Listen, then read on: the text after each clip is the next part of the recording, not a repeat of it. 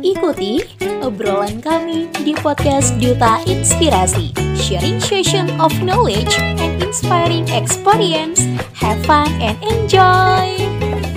Halo Sobat Inspirasi, selamat pagi, selamat siang, selamat sore, selamat malam, and welcome back to our Duta Inspirasi Podcast.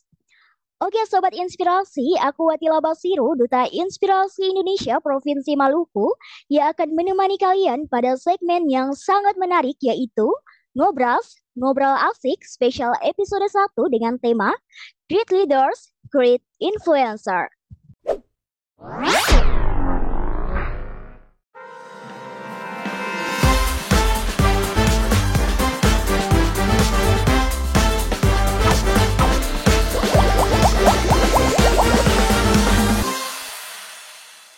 Oke Sobat Inspirasi, tanpa berlama-lama lagi karena aku sudah kedatangan narasumber yang luar biasa pada hari ini. Ada ketua dari lima program Duta Inspirasi Indonesia. Yang pertama ada Kadika selaku ketua program Duta Inspirasi Podcast.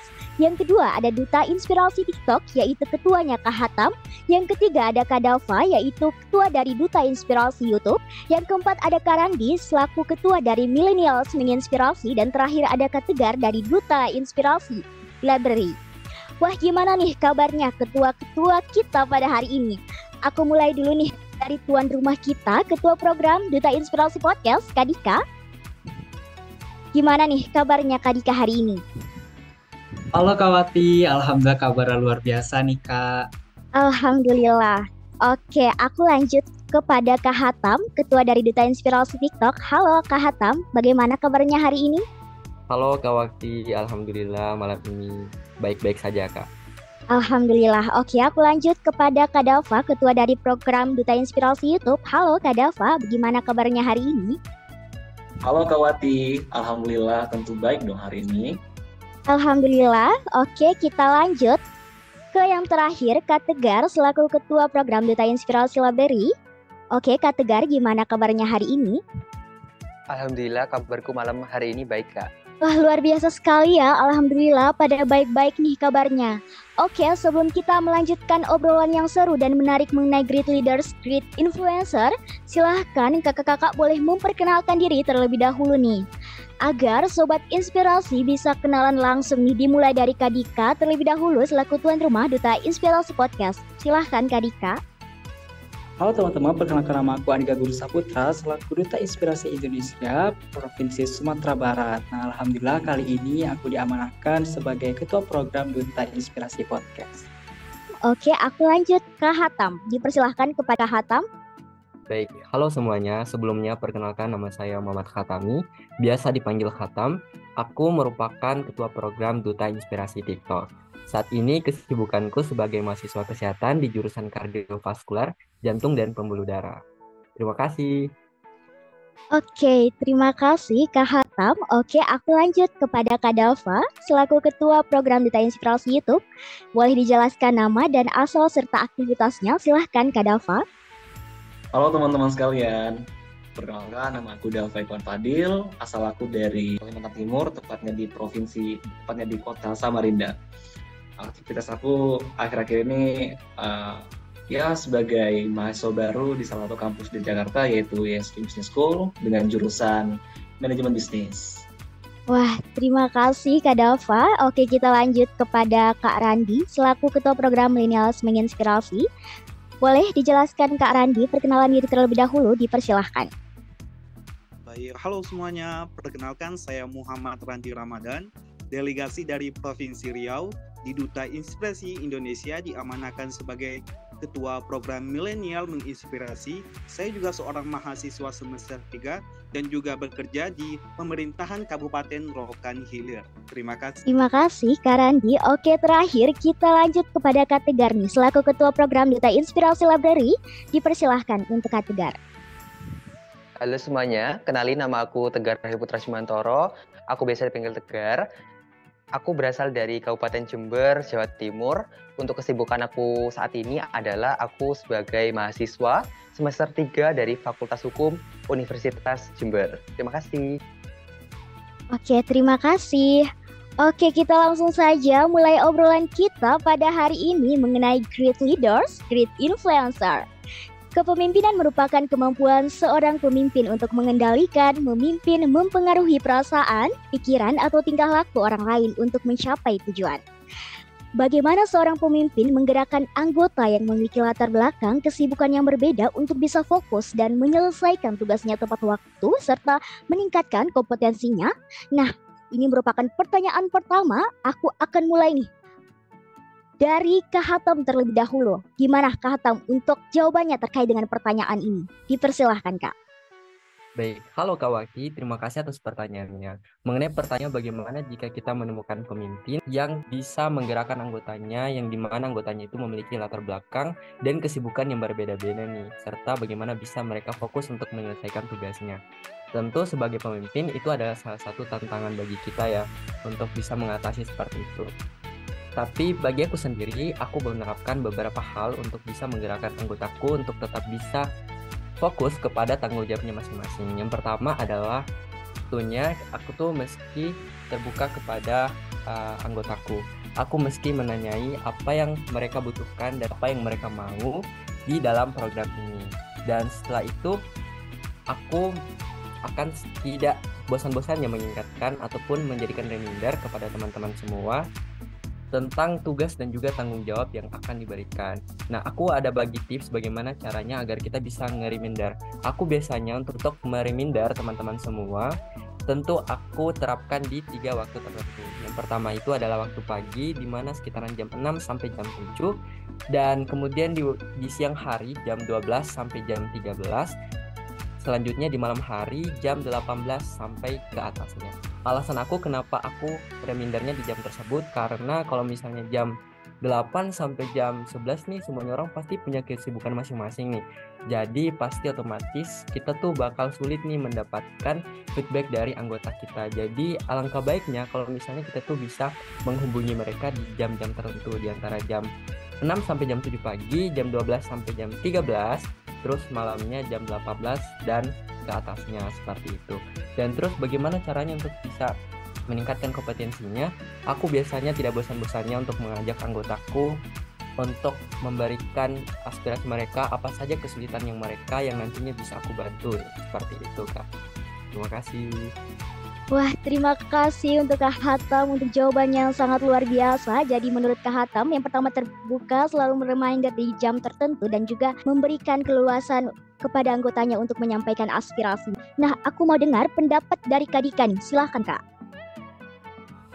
Oke, terima kasih Kak Wati dengan pertanyaan pertama yang sangat challenging. Jika highlight lagi untuk pertanyaan di sini mengenai bagaimana sih tipsnya sebagai ketua program untuk bisa fokus dan menyelesaikan tugasnya tepat waktu untuk meningkatkan kompetensinya. Tapi spesifiknya kali ini kita akan membahas untuk para rekan kerja di organisasi. Nah, kalau Dika sendiri sebagai ketua program ya pastinya itu menjadi tempat yang nyaman untuk semua rekan-rekan kerja. Nah, terus juga kalau misalnya untuk jadi ketua program itu harusnya lebih intens nih Kawati kepada teman-teman atau rekan-rekan kerja lainnya. Terus tidak hanya itu, kita harus bisa sangat mengayomi nih. Bagaimana jadi seorang ketua itu harus bisa mengayomi, merangkul. Nah, tapi juga di sini di highlight juga kata Kawati bagaimana tanggapan Dika sebagai ketua satu rekan tidak menyelesaikan tugas tepat waktu. Nah, sebagai ketua juga harus tegas, tapi tegas tidak harus juga yang ngambek-ngambek gitu ya. Nah, terus ngasih tahu nih kepada rekan-rekan. Kalau Dika menjabat begitu ya teman-teman. Kalau Dika memimpin sebuah organisasi, Dika harus jelas nih tips untuk teman-teman juga bagaimana nantinya untuk memanage organisasinya. Nah, Dika harus memberikan rules yang jelas kepada rekan kerja Dika. Jika mereka telat dalam menghadiri rapat, jika nantinya telat mengajarkan tugas, dan lainnya. Untuk menyelesaikan tugasnya juga pasti harus ada rules yang jelas. Untuk rulesnya, mungkin nanti Dika bisa berikan deadline, dan lainnya nih. Nah, jadi kalau misalnya nanti ditanya bagaimana ada salah satu rekan kita yang tidak menyelesaikan tugasnya pada tepat waktu nih. Nah, pastinya kita harus reminder lagi kan untuk mengingatkan mereka bahwa ada rules yang harus ditepati sebagai seorang rekan kerja. Tidak hanya itu, Dika juga harus lebih intens tidak hanya melalui grup saja, Dika harus juga lebih intens melalui personal chat untuk mengingatkan uh, mengenai tugas-tugas mereka. Gitu Kak. Bener banget nih, aku setuju banget dengan jawaban dari Kak Dika nih. Oke, aku lanjut kepada Kak Dava selaku Ketua Program Duta Inspirasi YouTube untuk menjawab pertanyaan pertama dipersilahkan. Halo teman-teman, wah ini pertanyaan yang sangat krusial, sangat penting untuk seorang leader. Tentunya ini juga salah satu tanggung jawab buat uh, para leader juga kan sebenarnya. Menurut saya salah satu hal yang penting untuk gimana sih kita tuh dekat dulu dengan anggota yang mungkin notabene sibuk banget nih dia bisa meet bareng, mengerjakan tugas apa yang telah kita berikan gitu. The first I think most important about about emotion karena kita mungkin tahu emosional seorang itu mungkin berbeda-beda. Kita nggak pernah tahu emosi dia lagi gimana mungkin lagi banyak tekanan lagi burn out banget. So kita sebagai seorang pemimpin kita harus mengetahui sebenarnya apa sih yang membuat terkendalanya tugas yang kita berikan kepada dia menjadi terlambat untuk dikerjakan kenapa why kita harus dulu atau dulu masalah apa dengan diri dia so kita tanya ada masalah apa So, what do you feel? Apa yang kamu rasakan sekarang? Kita membantu apa yang mereka butuhkan dari emosi yang dia saat ini mungkin sedang capek banget, lagi burn out. Hal itulah yang kita perlu dekatkan, emosi. Lalu selanjutnya adalah if have to problem, kita harus find to solve, solve the problem. Ketika seorang anggota mempunyai sesuatu yang masalah yang cukup mungkin susah untuk di apa ya dia tangani sendiri, di situlah peran seorang pemimpin harus diajukan. Gimana sih eh, kita membantu seorang anggota yang kesulitan dalam mengerjakan suatu hal? Kita bantu, kita coba find to solve the problem. Apa sih yang harus kita kerjakan? Apa sih yang harus kita bantu? Di situlah tugas seorang pemimpin untuk membuild kembali anggota-anggotanya. Lalu untuk masalah fokus, I think if you wanted to know about the busy people, semua, pasti semua orang sibuk banget nih, susah untuk fokus apa yang harus mereka kerjakan, apa yang harus mereka lakukan. Itu mungkin salah satu hal yang teman-teman juga rasakan. Menurutku gini, kita harus mereminder, kenapa sih kita dulu ikut ini? Kenapa sih dulu kita ikut sesuatu hal yang menyibukkan kita dalam keseharian kita? So, the first thing if you wanted to be uh, productive in your life time management why i was told to time management is first very very important karena ketika kamu bisa mengatur jadwalmu sedemikian sedemikian rupa hari ini mau ngapain hari ini mau apa aja yang dikerjain hal itulah yang uh, rasanya bisa membantu teman-teman untuk lebih produktif, lebih fokus apa yang harus dia lakukan. Terkadang kita tidak tahu apa yang besok kita lakukan itu tidak pernah tahu. Hal itulah yang membuat masalah dari kehidupan kita. So, itulah pentingnya time management. Mungkin dari aku itu. Terima kasih. Wah, terima kasih Kak Dava untuk jawaban yang sangat luar biasa. Jadi aku menyimpulkan bahwa yang pertama kita harus mencari akar permasalahan atau kendala dari anggota dan terakhir adalah time management yang sangat penting. Oke, aku lanjut kepada jawaban dari Kak Randi selaku Ketua Program Millennials Menginspirasi. Gimana nih tanggapan atau jawaban Kak Randi untuk pertanyaan pertama? Dipersilahkan. Baik teman-teman semuanya, izin menjawab terkait bagaimana seorang pemimpin menggerakkan anggota yang memiliki latar belakang kesibukan yang berbeda untuk bisa fokus dan menyelesaikan tugasnya tepat waktu serta meningkatkan kompetensinya. Sebelum itu, izinkan Rani menyampaikan definisi dari kepemimpinan itu sendiri. Kepemimpinan ialah kegiatan mempengaruhi orang lain untuk bisa bekerja dalam mencapai tujuan bersama. Seni untuk menciptakan kesesuaian paham, bentuk persesuai, dan inspirasi kepribadian yang memiliki pengaruh, tindakan dan perilaku, titik sentral proses kegiatan kelompok, hubungan kekuatan atau kekuasaan, sarana pencapaian tujuan, hasil dari interaksi, peranan yang dipolakan, inisiasi struktur, dan juga pemimpin yang bagus itu mampu menggerakkan anggotanya dengan baik dan benar, mampu merangkul anggotanya dengan penuh ikhlas, dan pemimpin juga harus siap untuk dikritik. Baik, yang bisa Randi lakukan itu ialah terkait bagaimana seorang pemimpin itu bisa menggerakkan anggotanya.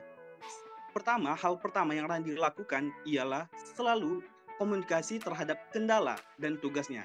Jika seseorang anggota lagi ada kegiatan penting di luar, maka segera komunikasikan ke anggota yang bersedia dan bisa dan seorang pemimpin juga harus bisa ikut memantau apakah tugas tersebut terselesaikan dengan aman. Jika belum, ya pemimpin harus turut membantu gitu. Kedua, selalu mengingat ke anggota bahwa kita adalah orang pilihan yang terbaik dari yang baik dan amanah tidak akan salah tindak. Ketiga, membuka ruang bagi anggota untuk berkembang, berkreasi. Jangan pernah membatasi selagi itu masih baik. Keempat, mengkoordinir anggota sesuai job desk yang telah ditentukan. Kelima, untuk menjadi orang-orang hebat, kita perlu pengorbanan waktu, tenaga, pikiran, dan percaya. Maka dari itu, percayalah makna dari tanam tuai itu pasti nyata.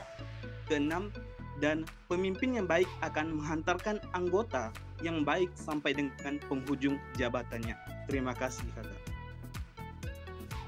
Wah, sangat luar biasa sekali ya untuk Kak Randy selaku ketua program Millennials Migrasi untuk jawabannya. Jadi aku menyimpulkan bahwa yang pertama selalu komunikasi terhadap kendala, yang kedua membuka peluang, yang ketiga mengkoordinir, dan terakhir adalah pengorbanan. Oke, sekarang aku lanjut kepada ketua program kita yang terakhir untuk jawabannya kepada Kak Tegar, dipersilahkan. Baik, terima kasih. Menurut saya sendiri, perlunya pemimpin untuk menerapkan sistem pemerintahan yang demokratis. Maksudnya adalah ketika kendala anggota itu dapat tersalurkan dengan baik kepada pemimpin, maka itu juga akan memperlancar program kerja yang akan dijalankan.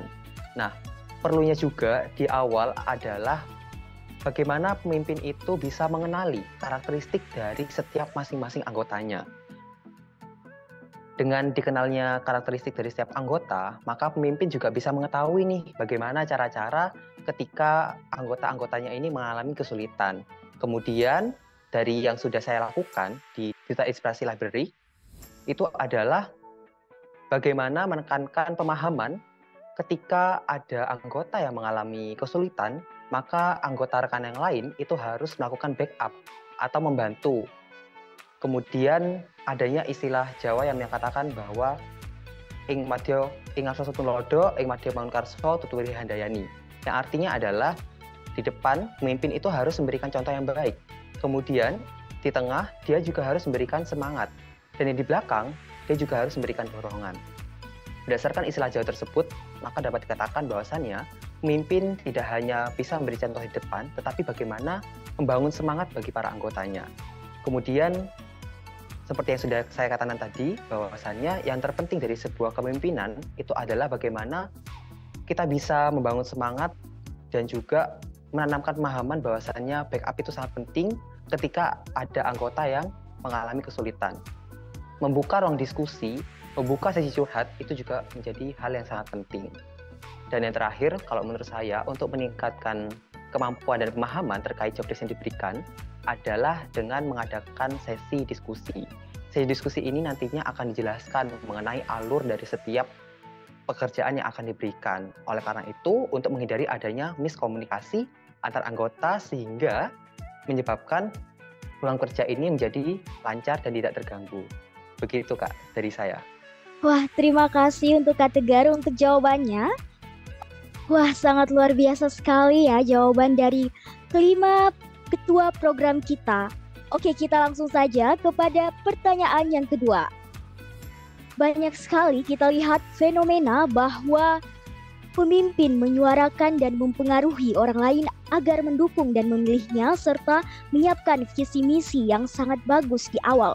Namun, setelah dipilih, tindakan atau keputusan yang dilakukan sangat yang jauh dari visi dan misi yang dia suarakan di awal. Bagaimana seharusnya kita bersikap terhadap pemimpin tersebut? Oke, aku akan meminta jawaban pertama dari Kahatam. Dipersilahkan Kahatam untuk menjawab pertanyaan. Baik, terima kasih nih pertanyaannya Kak. Tentu sebagai pemimpin, gak jarang nih kita melihat ada pemimpin yang menyiapkan visi dan misi yang sangat bagus nih awal, tapi ternyata setelahnya tidak melakukan dengan baik ataupun melenceng dari visi misi yang telah dia janjikan di awalnya.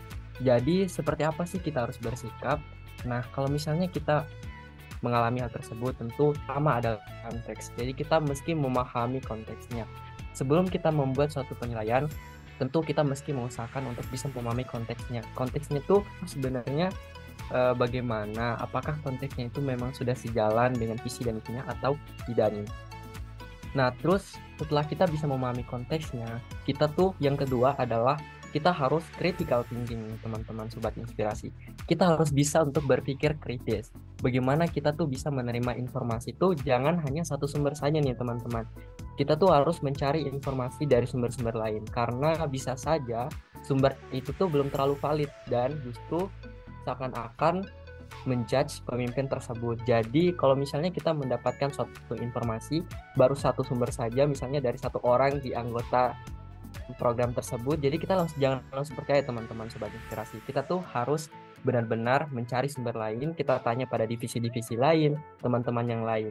Karena ini tuh betul-betul harus bisa kita mengontrol emosi kita. Yang ketiga adalah kita tuh meski menyuarakan tentang pendapat kita ataupun aspirasi kita. Kalau misalnya kita benar-benar sudah merasa bahwa visi dan misi yang dijanjikan oleh pemimpin tersebut menyimpang dari apa yang telah dijanjikan sebelumnya, tentu kita meski menghubungi pemimpin tersebut dengan cara kita bisa kirim lewat WA kah atau misalnya kita bisa kirim lewat DM Instagram kah kita manfaatkan sosial media yang ada ya teman-teman sekalian kita tuh bisa ngirim lewat email juga ataupun kita bisa lakukan panggilan suara karena kalau misalnya kita hanya mengetahui kalau pemimpin tersebut tidak melakukan visinya dengan benar Tentu tanpa ada tindakan yang baik, pastinya tidak akan terjadi perubahan dalam suatu kepemimpinannya. Dan terus kita lakukan selanjutnya adalah kita membentuk aliansi nih. Aliansi maksudnya di sini tuh apa? Aliansi maksudnya di sini tuh kita bentuk orang-orang yang memang orang-orang tersebut memiliki pandangan serupa nih dengan kita. Kita tuh bentuk orang yang sebanyak-banyaknya yang memiliki pandangan ke kita. Kalau misalnya contoh nih, si Khatam ini ketua program Duta Inspirasi TikTok ini agak tidak melakukan visinya dengan benar nih. Jadi kita sebagai anggota yang mendapatkan kejadian tersebut, kita bentuk aliansi, kita cari teman-teman dari divisi lain yang memang memiliki pandangan serupa dengan kita untuk bisa bekerja sama dalam mempengaruhi perubahan di dalam kepemimpinannya. Selanjutnya, apa yang harus kita lakukan Sobat Inspirasi? Yang mesti kita lakukan adalah monitor kerja. Jadi sejauh ini beberapa langkah yang akan kita lakukan jika kita mendapatkan hal tersebut adalah yang pertama adalah know the context, kita harus pahami konteksnya.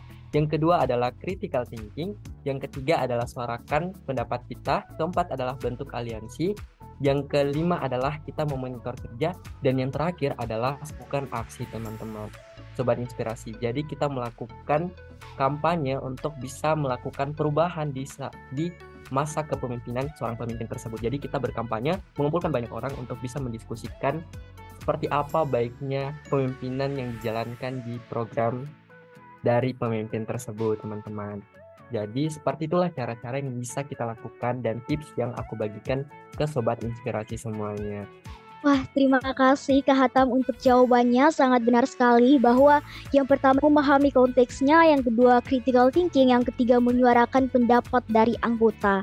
Oke, aku langsung saja kepada Jawaban yang kedua, aku ingin minta pendapat dari Kadafa. Dipersilahkan untuk Kadafa. Sangat-sangat keren banget pertanyaannya. Kita sebagai seorang pemimpin, gimana sih kita menyikapi hal tersebut? Gimana kita menyikapi bahwasannya apa yang diucapkan berbeda dengan apa yang dia uh, tindakan gitu. Menurut saya adalah satu, yaitu why, mengapa? Pasti ada suatu hal kenapa dia tidak melakukan hal tersebut. Kenapa sih dia tidak melakukan apa yang uh, telah dia uh, acukan sebagai visi misi dia menjadi sebagai seorang leader? So kita harus tahu dulu nih apa sih yang membuat dia hal seperti itu? Apa sih yang membuat dia uh, melenceng jauh dari visi misinya di awal.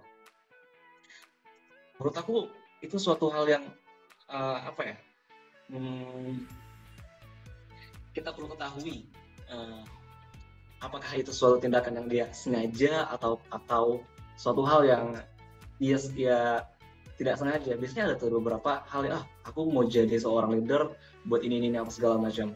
Tapi ada seorang leader yang di mana dia uh, melenceng dari visi misinya karena ada suatu hal akibat sebagai contoh mungkin ada tindakan krusial yang di mana mungkin visi misi tersebut harus ditunda dulu untuk uh, melanjutkan kinerja dia di periode awal dia menjabat apa sih yang bisa kita lakukan sebagai seorang leader untuk menyampaikan hal tersebut?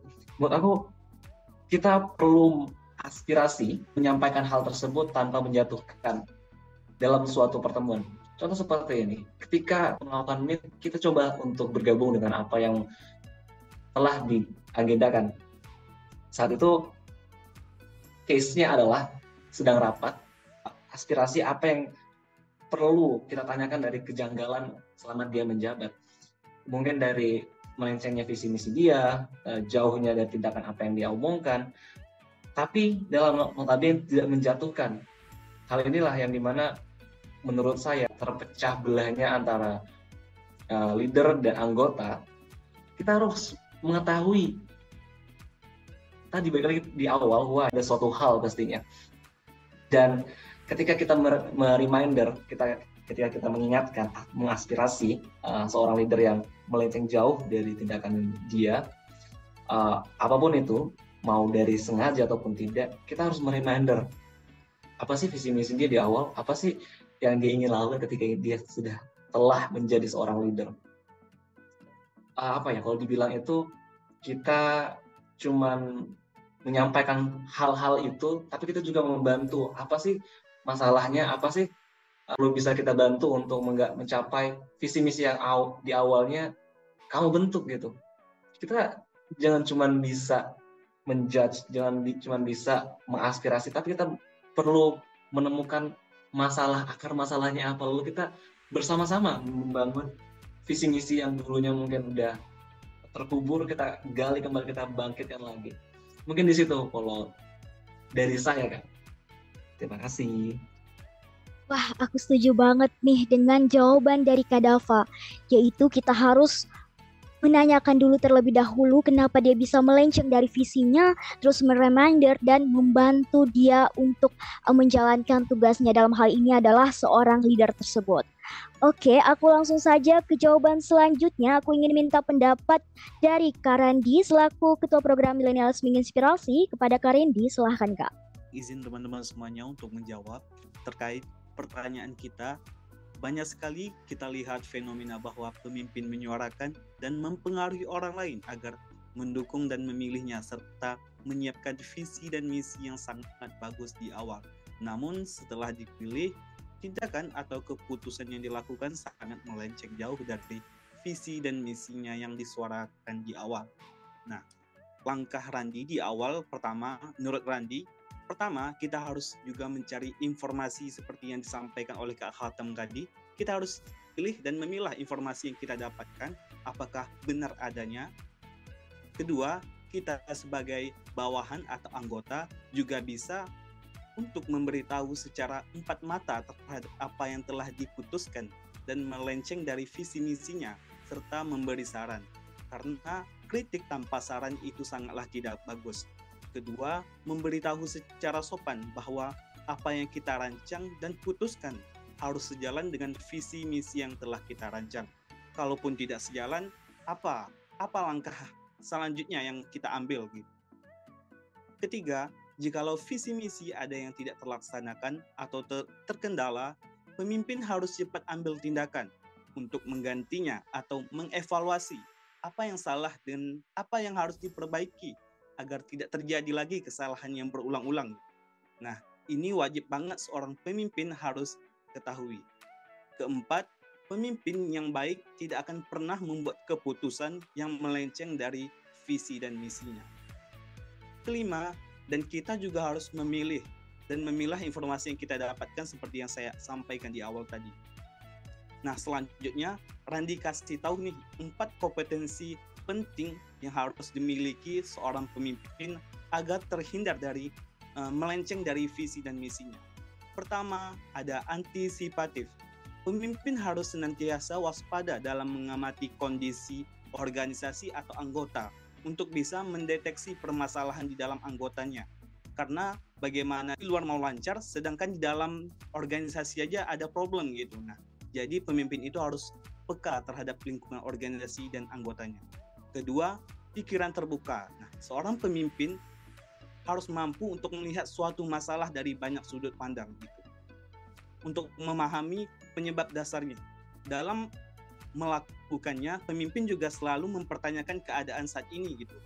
Bahkan sampai pemikiran diri sendiri dan pendapat orang lain gitu.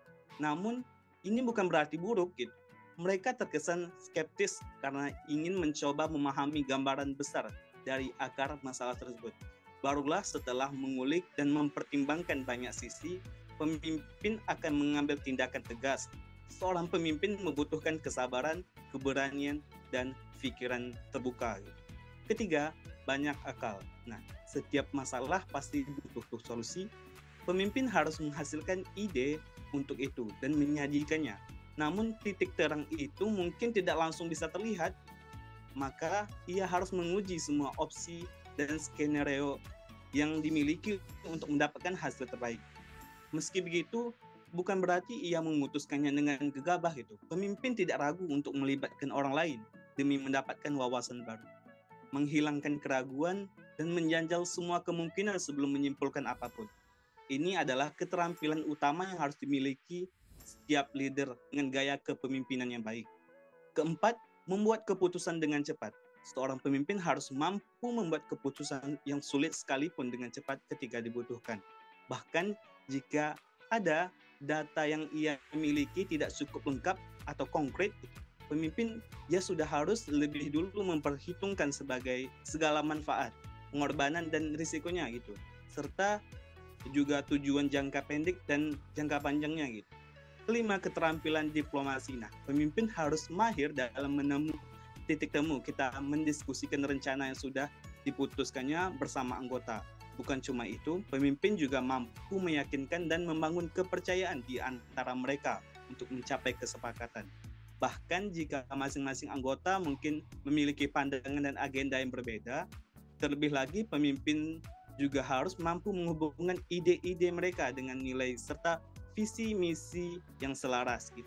Ini membutuhkan keterampilan diplomasi dan komunikasi yang proaktif dari pemimpin. Dan juga terakhir keenam uh, tidak takut gagal. Segala keputusan punya konsekuensinya masing-masing. Kamu mungkin bisa memprediksinya sejak awal, tapi bisa juga tidak. Itu wajar. Tidak semua harapan akan pasti terjadi seperti yang dimau, jangan pernah takut gagal jika mau ada di posisi ini. Seorang pemimpin yang andal harus bisa menerima kegagalan, bahkan mengakui kegagalannya sejak dini. Namun, mengakui kegagalan bukan berarti juga cepat menyerah.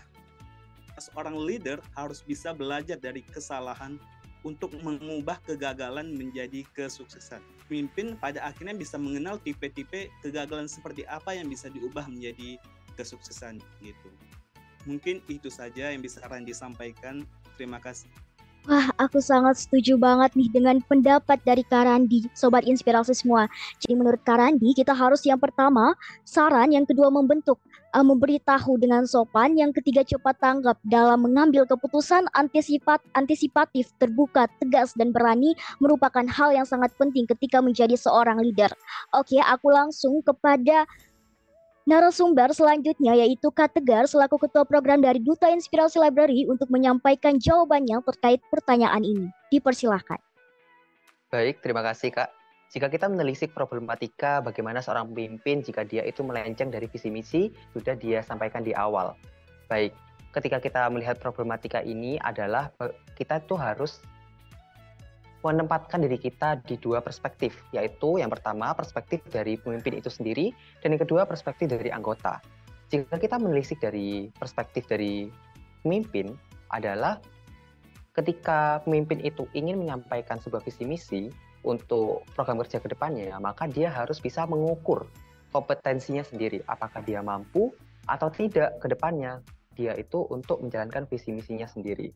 Kemudian yang kedua dari perspektif anggotanya, bagaimana kemudian anggota ini bisa menyalurkan kritik dan sarannya terhadap pemimpin ini, namun tetap dengan adab ya, tetap dengan batasan-batasan. Nah, perlunya adanya evaluasi mungkin bisa dilakukan melalui Google Form atau mungkin bisa merahasiakan identitas. Kemudian juga bisa melalui Zoom meeting gitu ya. Itu juga bisa ketika kita ingin menyampaikan kritik dan saran terhadap pemimpin. Dirasa jika dia itu melenceng dari visi dan misi yang sudah dia sampaikan di awal. Kemudian, untuk kesadaran bagi pemimpin sendiri adalah bagaimana rasa tanggung jawab. Bagaimana dia itu bisa menjalankan apa yang sudah dia katakan dan apa sudah apa yang sudah dia komitmenkan di awal. Itu kalau menurut saya seperti itu, Kak. Terima kasih. Makasih Kak Tegar. Aku sangat setuju banget nih dengan jawaban dari Kak Tegar. Yang pertama, ada menempatkan sebagai dua perspektif. Jadi seorang leader harus menempatkan sebagai uh, dirinya sendiri dan juga anggotanya.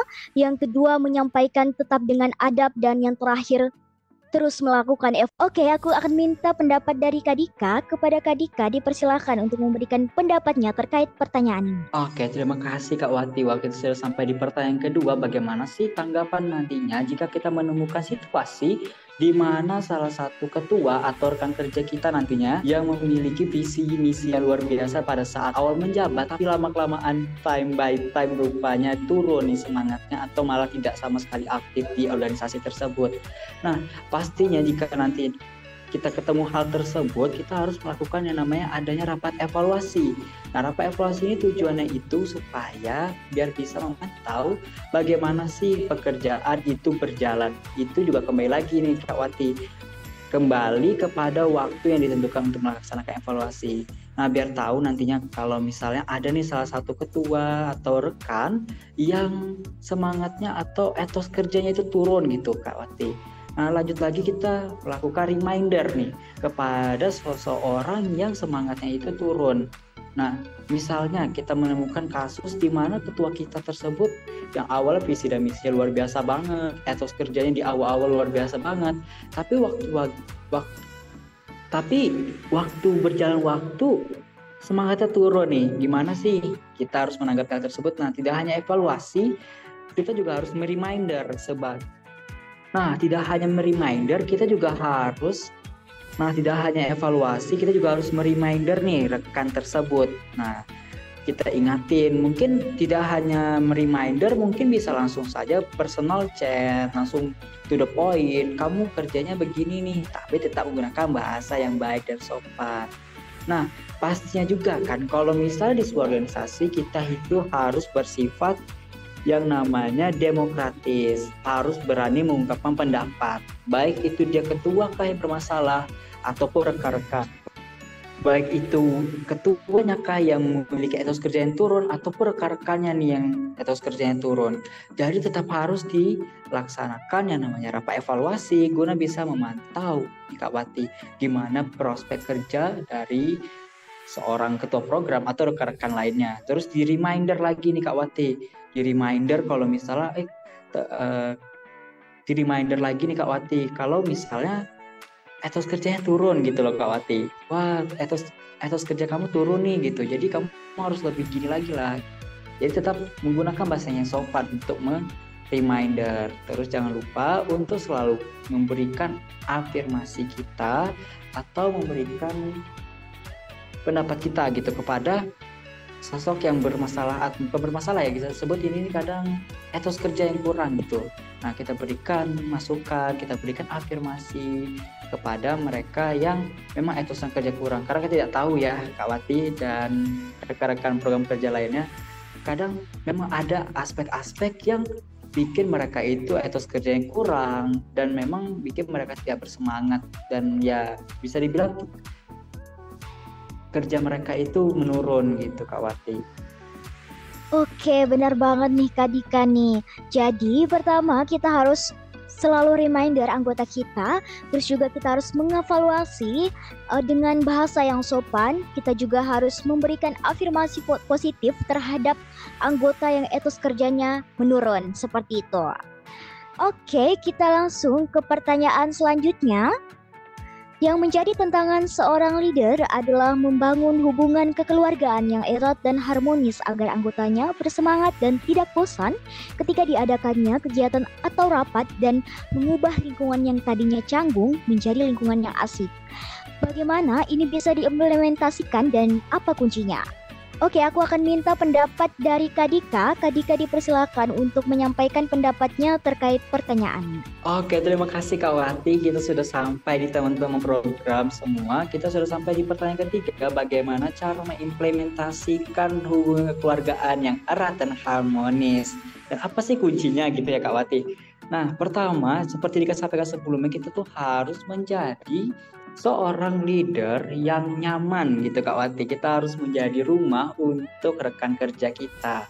Karena sebagai leader itu bukan berarti dia adalah seorang penguasa, bukan berarti dia adalah seorang yang memang pemerintah hanya memerintah saja, tapi juga kita seorang leader itu harus bisa menjadi sosok yang jadi contoh, yang dianut, yang menyayangi dan merangkul semuanya gitu Kak Wati. Tapi tanya tapi nggak hanya itu aja Kak Wati, kita juga harus menjadi sosok yang tidak kaku nih Kak Wati. Jadi masih tidak kaku itu gimana sih Kak Dika kan? Jadi menjadi sosok yang tidak kaku itu kita memang harus orang bilang ya memang lawak gitu loh yang suka bercanda tapi tujuannya itu bukan untuk bikin lalai kerja tapi memang untuk meng-decrease the stress of the our partner partner in association gitu Kak Wati. Jadi gimana sih jadi seorang ketua itu yang benar-benar nggak hanya tukang marah, yang dikenal begitu ya Kak Wati ya. Jadi ketua program yang tukang marah, tukang perintah, tukang ya nyuruh-nyuruh aja gitu. Tapi gimana sih seorang leader atau sebagai ketua itu yang benar-benar bisa menjadi wadah yang bisa bikin nyaman rekan-rekannya gitu. Jangan kaku pastinya salah satunya. Jangan menjadi yang sosok benar-benar bikin mereka tuh ah gak berani berani nih ke ketua nanti kena marah. Jangan sampai bikin ada pandangan begitu kepada rekan-rekan kerja kita kak. Jangan sampai ada kata-kata begitu dari rekan-rekan kerja kita kak Wati. Nah tidak hanya itu jadi ketua yang memang bisa menumbuhkan sifat kekeluargaan yang erat dan harmonis pastinya kita suka memberikan apresiasi ini salah satunya ya kak Wati ya. Gimana kita tuh harus bisa selalu mengapresiasi kerja rekan kita. Tidak boleh nih kita nih ada nih kerja rekan kita yang tidak sesuai ekspektasi kadang ya. Tak boleh kita langsung kayak ngejudge eh kerjaan kamu kok gini? Kok jelek banget? Kok bisa kayak gini? Gak boleh banget tuh teman-teman. Karena memang sebagai leader itu harus benar. Karena benar menjadi seorang leader itu harus pandai banget bol dan merangkul. Karena menjadi seorang leader itu harus pandai banget merangkul dan mengayomi gitu. Gak boleh kita sebagai leader yang kayak gak boleh nih kita kalau menjadi seorang leader kalau misalnya lihat ada salah satu rekan kita yang salah satu rekan kita kalau misalnya kerja itu gak sesuai salah satu rekan kerja kita kalau misalnya kerja sesuai ekspektasi itu kita jahat itu salah banget. Jadi bikin down mereka jadi malas mereka jadi nggak mau kerja lagi. Karena mereka bakal merasa wah kalau misalnya aku kerja sampai capek aku kerjanya bagus bagus juga endingnya nanti bakal dijat juga sama ketua gak diapresiasi gak ada apa-apa dong endingnya. Jadi mereka tuh jadi nggak mau kerja sama sekali endingnya. Kan di sini kita ingin menjadi seorang leader yang baik. Kita ingin asosiasi atau organisasi yang kita jalankan itu menjadi organisasi yang maju, tapi kita sendiri tidak merangkul nih anggota-anggota. Maaf, kalau di kepribadi jarang sekali menggunakan kata-kata anggota karena lebih tepatnya kita biasa yang kalau di DIP ya Kak Wati ya rekan-rekan, teman-teman atau biasa disebut dengan panggilan sayang gitu. Karena memang biar makin intens, biar nggak ngenes-ngenes banget gitu Kak Wati. Itu Kak Wati. Oke, terima kasih Kak Dika untuk jawabannya. Jadi, um, untuk menjadi seorang leader, kita harus membangun suasana yang tidak kaku terhadap anggota kita, ya bercanda saja, agar uh, membuat suasana itu semakin hangat kekeluargaannya seperti itu dan juga tak lupa harus mengapresiasi setiap kinerja dari anggota. Atau Kak Dika sebutnya itu teman-teman atau panggilannya nih sayang nih. Oke, kita langsung saja ke pertanyaan selanjutnya. Bagaimana seorang leader menentukan prioritas? Karena bisa jadi pemimpin bukan hanya berfokus pada satu wadah atau organisasi saja, tapi juga terdapat aktivitas atau kesibukan lain yang mengharuskan dia juga harus bertanggung jawab terhadap aktivitas atau kesibukan tersebut. Bagaimana manajemen waktu dan penentuan prioritasnya? Oke, aku akan minta pendapat dari Adika nih terkait dengan pertanyaan ini. Dipersilahkan, Kak. Oke, terima kasih Kak Wati. Kita sudah lanjut nih ke pertanyaan yang keempat ya teman-teman semua. Gimana sih menentukan prioritas sebagai leader gitu ya. Kalau Dika pribadi itu selalu menetapkan sistem 4 per 24. Jadi apa sih maksudnya sistem 4 per 24 itu? Jadi Dika selalu mengimplementasikan waktu waktu itu kan Nah, Dika selalu mengimplementasikan sistem 4 per 24. Kenapa sih 4 per 24?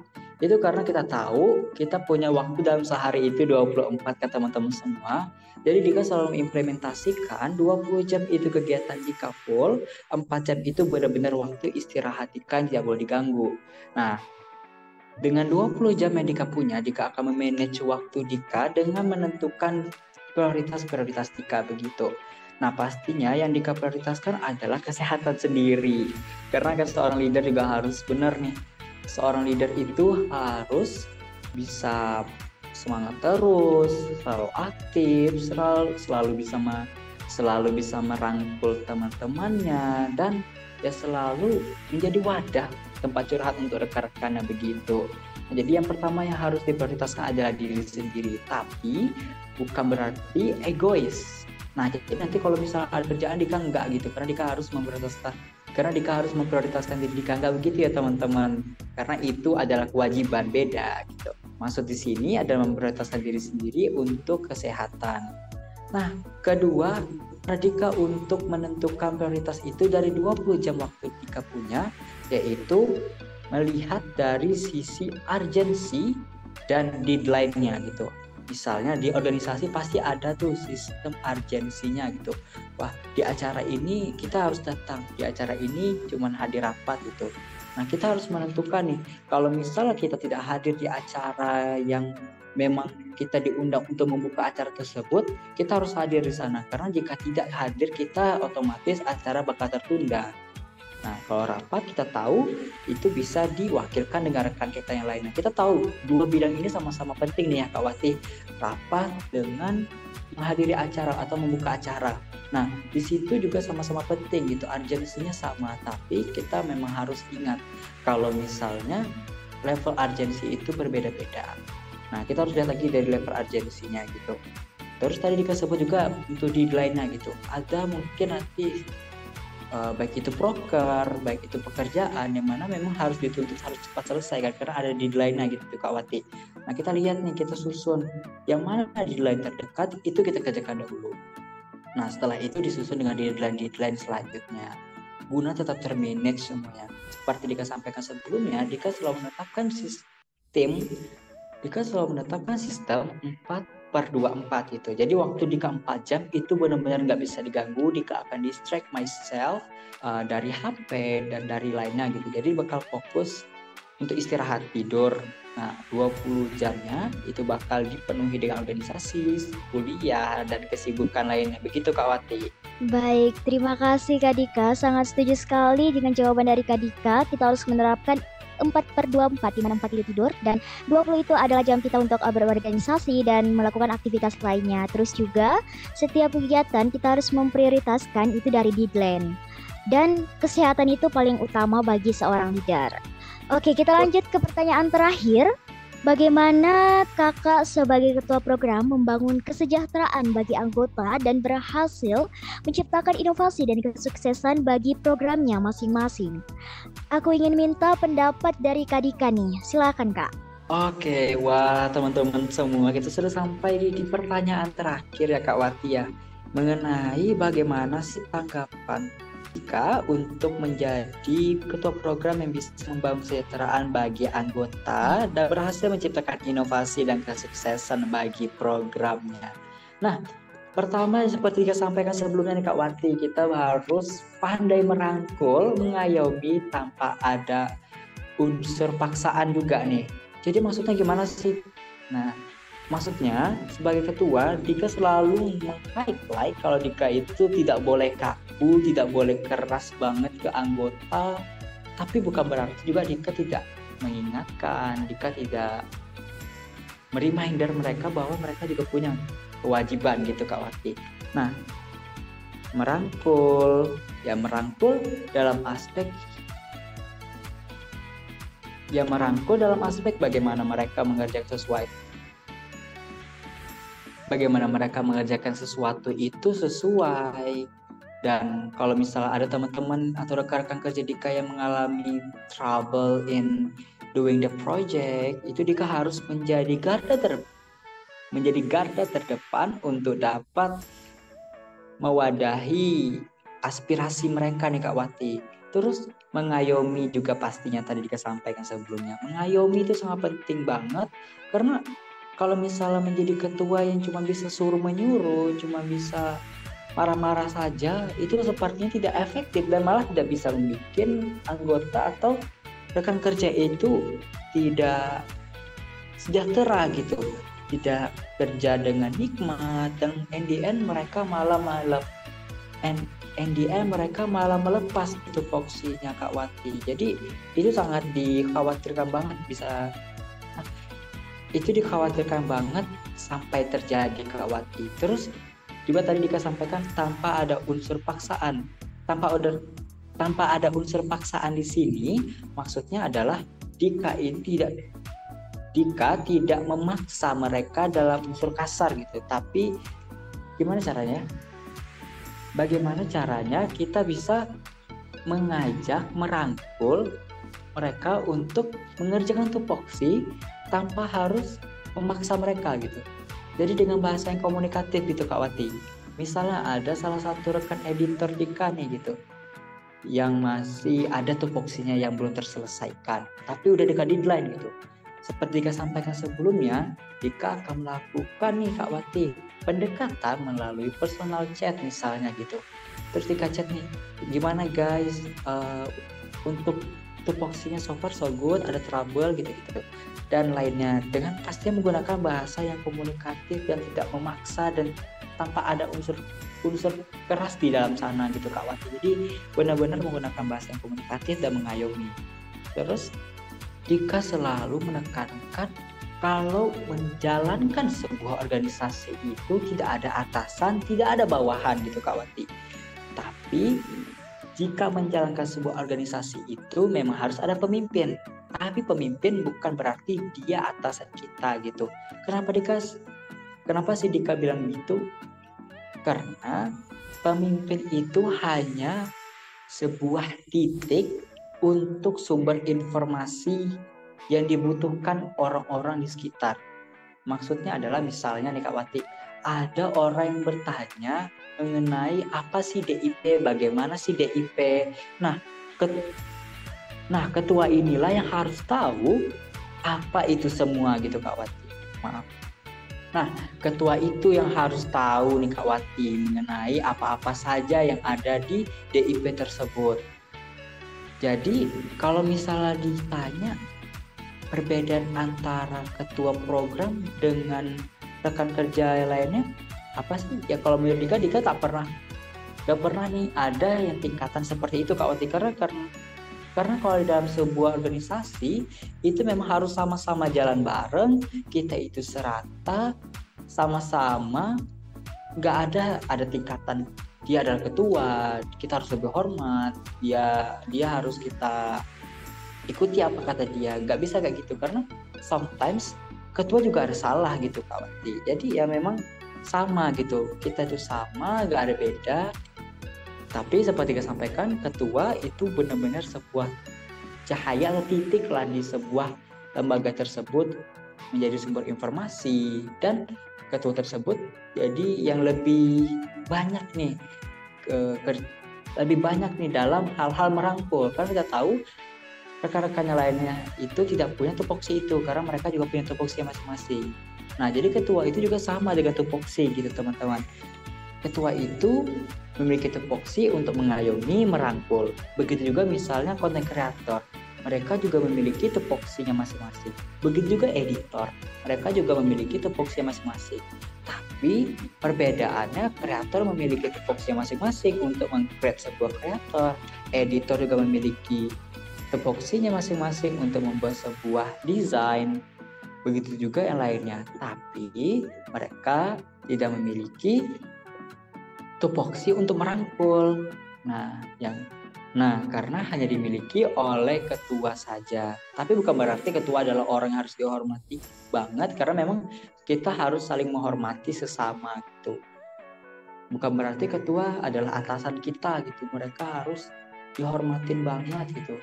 Lebih daripada kawan kawan-kawan yang lain gitu. Enggak kalau menjadikan begitu.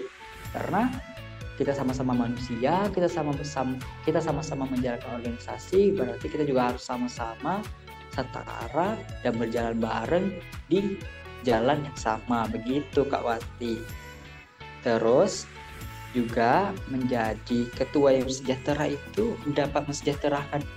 Nah, selanjutnya untuk menjadi ketua yang bisa mensejahterakan rekan-rekan kerjanya yaitu memberikan wadah atau space aspirasi untuk rekan-rekannya nih Kak Wati. Jadi mereka tidak hanya dituntut kerja saja, mereka juga punya hak loh mereka juga punya hak loh untuk menyampaikan aspirasi ke ketua gitu. Jadi kalau misalnya kita jadi ketua itu nggak boleh nih tutup telinga nggak mau diatur. Kita nggak boleh jadi ketua yang memang tutup telinga nggak mau diperintah-perintah. Jadi kita jadi ketua memang ibarat kata memang harus open gitu. Merangkul iya, mengayomi iya, menjadi wadah curhat iya, dan menjadi wadah aspirasi juga iya nih Kak Wati. Jadi kita jadi jadi jadi kita sebagai ketua program itu memang harus jadi wadah aspirasi guna nanti kalau misalnya ada program guna nanti kalau misalnya ada nih divisi kita yang memang stres banget gara-gara koornya mempressure banyak banget tugas kita sebagai ketua harus kita juga sebagai ketua harus menjadi wadah untuk aspirasi tersebut tidak hanya itu juga kita juga sebagai ketua juga harus open aspirasi dalam menerima masukan. Misalnya ada yang dari salah satu rekan kerja kita yang begini, Pak Koor, ketua kita kok cuek banget ya, ketua kita kok maksa kita banget ya untuk nyampein deadline segini, segini, segini, dan lainnya gitu. Kita jadi ketua juga harus open banget untuk menerima keluhan-keluhan seperti itu. Karena untuk menjalankan sebuah organisasi atau asosiasi itu gak gampang teman-teman kita nggak bisa menjalankannya itu hanya dari point of view dari ketua saja gitu.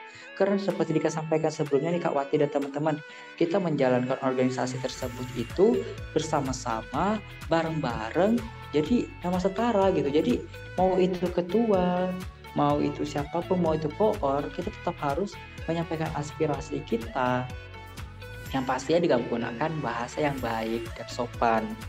Nah, jadi ya intinya yang dika highlight banget untuk membuat sebuah kesejahteraan untuk anggota dan menciptakan inovasi dan kesuksesan itu pastinya menciptakan wadah aspirasi gitu. Kenapa? Ya memang jadi tempat jadi tempat curhat gitu.